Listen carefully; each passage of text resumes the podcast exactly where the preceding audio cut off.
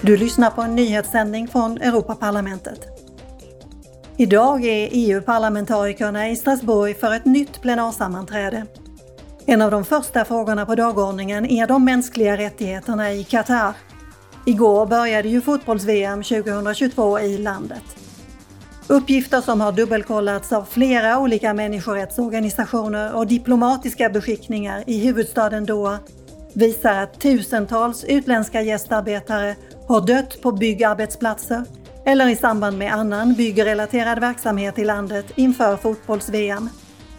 Qatar har också anklagats för att kväva pressfriheten och slå ner på kvinnors och hbtqi-personers rättigheter.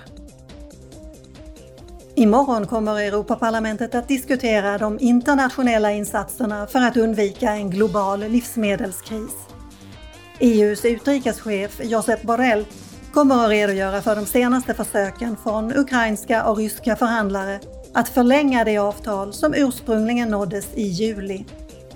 Avtalet skulle göra det möjligt att fortsätta med transporter av spannmål och gödselmedel från Ukraina genom Svarta havet. Spannmålsavtalet är extremt viktigt för att avvärja en humanitär katastrof i några av världens allra fattigaste länder. Sju länder kommer att fördela på närmare 720 miljoner euro i EU-stöd för återuppbyggnad efter en rad naturkatastrofer sommaren 2021.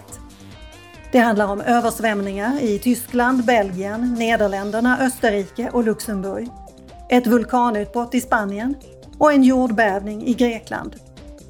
EUs solidaritetsfond inrättades 2002 och har kommit till användning i samband med ett hundratal naturkatastrofer. Du har lyssnat på en nyhetssändning från Europaparlamentet.